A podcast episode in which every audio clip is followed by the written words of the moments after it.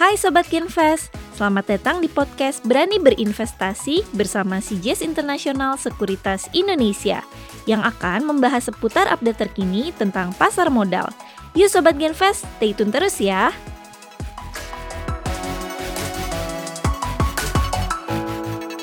Halo Sobat Yanpes, ketemu lagi bersama saya di podcast Berani Berinvestasi bersama CGS Internasional Sekuritas Indonesia. Di kesempatan kali ini uh, saya ditemani oleh uh, Ruth uh, Jessica Simak selaku Equity Research Analyst dari CGS Internasional Sekuritas Indonesia untuk membahas tema yang cukup menarik yaitu tema terkait dengan sektor telekomunikasi. Halo Ruth, apa kabar?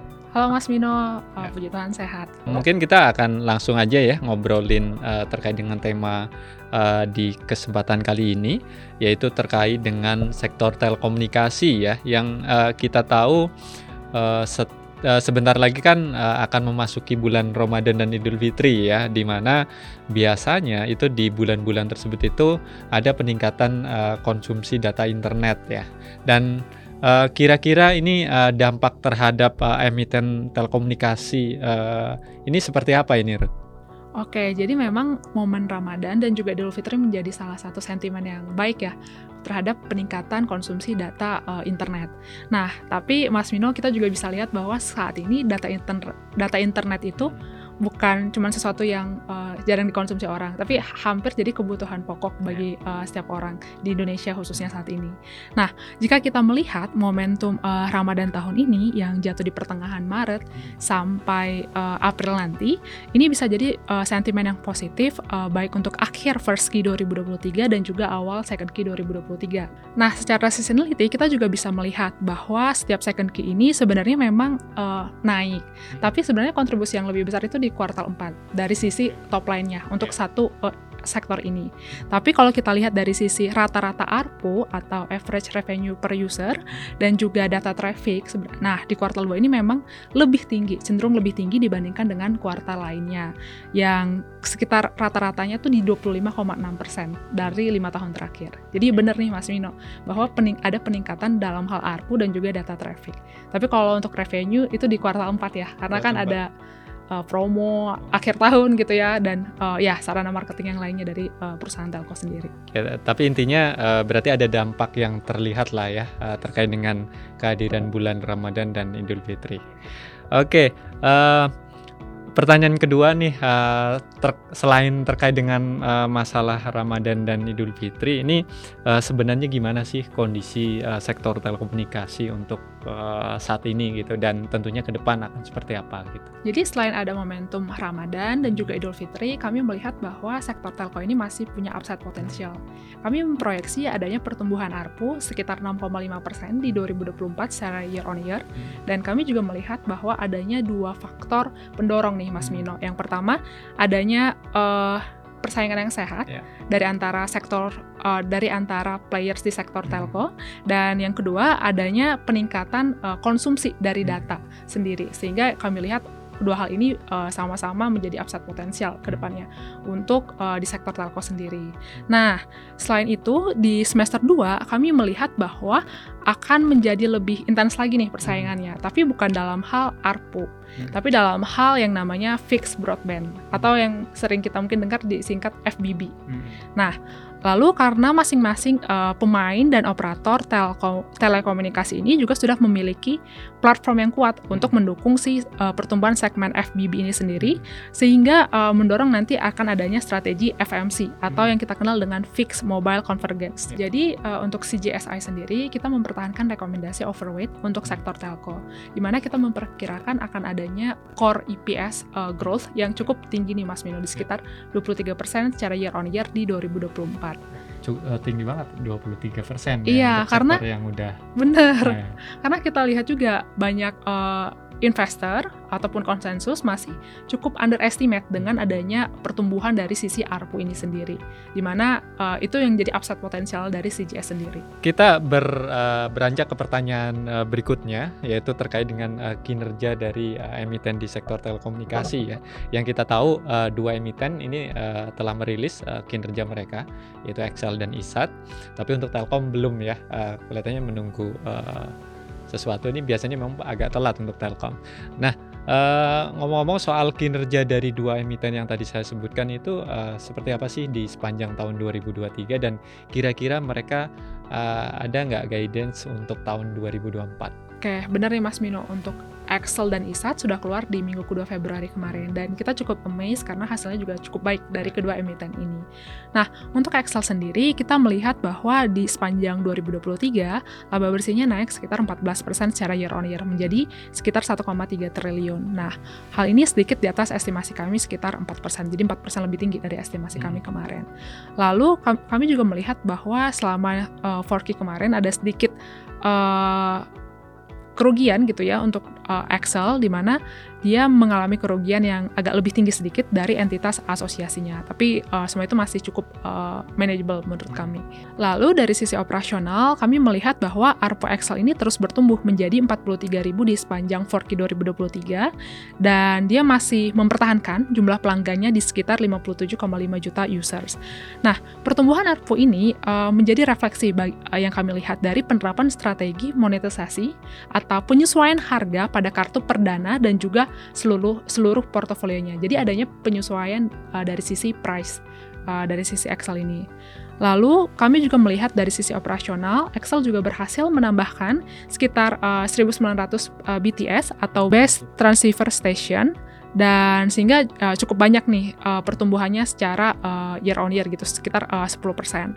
Lalu yang bisa kita highlight nih Mas Mino hmm. bahwa pada full year 2023 total rumah yang terjangkau mencapai 235 ribu. Sedangkan kalau di tahun 2022 sekitar 123 ribu saja. Nah, ketika kita juga melihat adanya potensial dari akuisisi dari adanya tambahan 750 ribu dari pelanggan link. link Nah, karena kan dia sudah akuisisi link ya. Iya, nah, jadi uh, kalau kita tambah nih sekitar satu juta pelanggannya. Jadi ini adalah upside potensial ke depannya untuk Excel sendiri.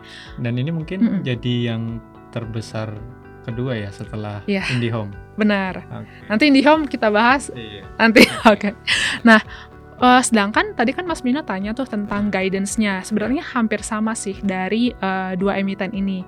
Jadi kalau untuk Excel sendiri, guidance-nya uh, pertumbuhan pendapatannya itu high single digits dan ini juga uh, sesuai dengan estimasi kami.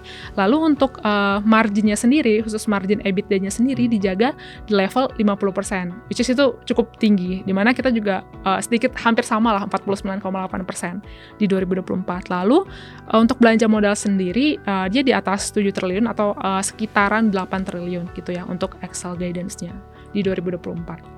Oke, jadi uh, cukup uh, optimis ya kelihatannya yes. uh, dari sisi uh, apa namanya Excelnya sendiri.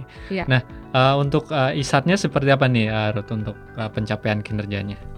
Nah, untuk ISAT sendiri hmm. uh, ada pertumbuhan yang cukup signifikan dari apa yang kita sudah forecast karena adanya one off gain okay. gitu. Jadi uh, untuk 2023 sendiri sebenarnya laba bersih ISAT ini lebih tinggi 31% dari estimasi kita. Hmm. Cukup wow, cukup tinggi gitu tinggi ya. ya. Nah, tapi jika kita one off gain ini kita uh, keluarkan gitu ya, uh, laba ISAT itu laba bersihnya mencapai 1,3 triliun atau bertumbuh sekitar 70,7% secara year on year di kuartal 4 dan secara tahunan uh, menjadi 3,6 triliun atau bertumbuh sekitar 168% secara year on year. Pertumbuhan ini sudah cukup ya, ya benar, cukup tinggi dan uh, ya cukup kasih satu uh, kaget juga kejutan, gitu ya. ya. Iya, benar kejutan. Karena memang kalau dilihat dari sisi respon marketnya juga sangat positif terhadap yes, ya. benar. Makanya share price-nya juga terapresiasi iya, ya uh, dengan investor juga. Nah, uh, yang saya lihat juga gitu ya, uh, pertumbuhan uh, pendapatan ini juga didukung oleh pertumbuhan pendapatan bisnis seluler hmm. dan juga MIDI atau uh, segmen multimedia, komunikasi data dan juga internet. Nah, secara operasional hmm. ARPU saat ini bertumbuh menjadi 38.500 okay. di kuartal 4 kemarin dan kalau kita lihat uh, secara full year 2023 hmm. pertumbuhan data traffic sebesar 12,7% secara year on year. Nah, ini juga sejalan sih Mas dengan hmm. uh, ekspektasi uh, kami gitu. Nah, kita juga punya referensi baru nih Mas dari hmm. manajemen ISAT. Nah, manajemen ISAT ini uh, menyatakan bahwa mereka mampu memonetisasi jaringannya yang besar di daerah pedesaan di Indonesia dan hmm. meningkatkan kontribusi dari uh, layanan digitalnya. Nah, pada tahun 2023 sendiri, ISAT ini berhasil mengendalikan rotational churn mereka dan menaikkan harga kartu SIM baru, sehingga itu bisa mendukung kinerja uh, keuangan mereka sepanjang okay. 2023 kemarin. Nah, sedangkan dari sisi uh, eh, BTS sendiri, uh, ISAT berhasil menambahkan 49.000 uh, BTS di sepanjang tahun 2023 kemarin. Nah, kalau kita lihat lagi nih Mas Mino, bahwa ISAT ini akan berfokus kepada beberapa hal di tahun 2024. Nah, yang pertama, uh, ISAT akan membuka potensi dari pelanggan pedesaan dan meningkatkan ARPU-nya gitu ya. Nah, yang kedua, uh, ISAT juga akan meningkatkan uh, bisnis broadband mereka yang tadi kita ngobrol soal FBB ya. Okay. Nah, uh, secara rumahan dan juga perusahaan. Jadi dua segmen ini tetap uh, menjadi uh, target mereka. Dan yang ketiga, uh, mereka akan uh, meningkatkan pendapatan lain-lain. Nah, sekarang kan sudah zamannya AI, hmm. jadi mereka akan juga uh, meningkatkan bisnis AI cloud mereka. Nah, kalau uh, kita cari nih uh, sekilas gitu ya tentang berita Indosat, hmm. mereka sudah menjalin kerjasama dengan uh, NVDA. Ini yang baru-baru hmm. ini uh, keluar juga ya oh, iya. beritanya. Iya. Tapi perlu dicatat, uh, ketika mereka bekerja sama dengan NVDA untuk hmm. mengembangkan data centernya, nah kepemilikan atau ownership dari si data center uh, si ISAT ini dia cuma tinggal 25%. Sedangkan sisanya udah dikasih ke BDX uh, eh, Data Center Indonesia. Gitu. Nah, BDX ini sebenarnya uh, merupakan perusahaan patungan antara Indosat, BDX Data Centers dan juga uh, aplikasi Nusa Lintas Harta. Jadi ke depannya data center ini juga menjadi fokus ya hmm. dari ISAT gitu, Mas. Oke. Okay. Nah, untuk guidance 2024 dari ISAT itu ya hampir sama ya yang kita lihat dengan Excel. Yang pertama, mereka uh, aims untuk dapat uh, pertumbuhan dari sisi top line atau revenue sekitar uh, mid single digit gitu. Dan yang kedua, margin EBITDA tetap terjaga di uh, level 50%. Lalu yang uh, ketiga, mereka menyiapkan belanja modal sekitar 12 triliun rupiah ya. Jadi sedikit lebih tinggi dari Excel ya? Ya, karena memang tahun kemarin juga lebih tinggi. Oke ya, jadi itu Sobat Genpes uh, beberapa hal ya terkait dengan uh, kinerja dari Excel dan ISAT dan tentunya guidance untuk tahun 2024. Nah, next kita akan uh, lanjut ya uh, terkait Telkom tentunya. Jadi uh, Telkom ini uh, belum merilis ya uh, kinerja keuangannya untuk kuartal 4 atau dua uh, apa namanya 2023 ya secara ya. keseluruhan. Yeah. Nah, kira-kira uh, kapan sih mereka akan uh, merilis dan mm -hmm. uh, seperti apa uh, apa namanya kinerjanya? Apakah akan seperti kuartal 3 yang ada sedikit Full kejutan ya. ya. Jadi kira-kira uh, seperti apa gitu? Jadi kalau yang kita dengar, uh, Telkom akan merilis uh, laporan keuangannya secara hmm. full year di 2023 di akhir Maret. Okay. Tapi tanggal pastinya kita juga belum tahu nih Mas Min. Okay. Tapi di akhir Maret 2024. Nah, kami percaya bahwa uh, kinerja keuangan Telkom sebenarnya masih akan uh, memberikan hasil atau pertumbuhan yang cukup positif. Hmm.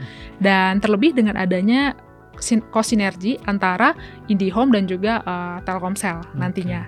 Nah, selain itu kami juga melihat adanya persaingan yang cukup sehat dari sisi sektoral tadi okay. uh, seperti yang kita tadi udah yeah. obrolin. Hmm. Lalu kami juga melihat bahwa adanya peningkatan konsumsi data yang seharusnya dirasakan juga nih oleh uh, Telkom as a group gitu. Nah, selain dari tadi kosinergi dengan IndiHome ataupun uh, adanya pertumbuhan dari sisi user, hmm. kami juga melihat bahwa uh, pemain besar uh, di lingkup FBB hmm. uh, atau fixed broadband seperti IndiHome yang saat ini nih Mas Mino, hmm. dia menguasai 70% dari market yeah. FBB di Indonesia. Sehingga nantinya karena dia punya market share yang besar, dia bisa mengarahkan sektor ini sebenarnya persaingannya ke mana sih gitu. Okay. Nah, tapi ini uh, akan lebih terimplementasi di uh, second half 2024. Okay. Sedangkan fokus untuk first half 2024 yang kami lihat adalah uh, pertumbuhan dari sisi ARPU. Di second half 2024, uh, ketika Telkom lebih lanjut mendorong uh, produk uh, akses nirkabel tetapnya atau hmm. fixed wireless akses mereka dengan uh, Telkomsel Orbit. Orbit. Nah, tapi uh, kalau untuk IKSAT dan juga Excel, kami melihat bahwa integrasinya masih uh, dalam hal perampungan si akuisisi FBB hmm. ini sendiri. Nah, masing-masing punya upside potensial yang sama nih Mas Mino. Hmm. Belum lagi kalau kita bicara soal data centers ataupun cloud services mereka. Nah, hal ini uh, mungkin akan menjadi key drivers ke depannya, tapi ya saat ini sih masih dalam porsi yang kecil sih. Okay. Kontribusinya terhadap revenue-nya mereka ya, gitu. Karena memang bukan bisnis utamanya ya. Belum untuk ya. data center segala ya. macamnya. Cuman sudah mulai diversifikasi ke arah sana semua. Oke. Okay. Ya. Oke, okay, uh, eh, next kita ke pertanyaan terakhir nih Nah, ini uh, mungkin paling ditunggu-tunggu nih oleh sobat GNPS. Jadi dari ketiga emiten di sektor telekomunikasi ini kira-kira mana nih yang paling direkomendasikan dan uh, alasannya apa gitu? Kenapa harus milih saham itu gitu? Oke. Okay.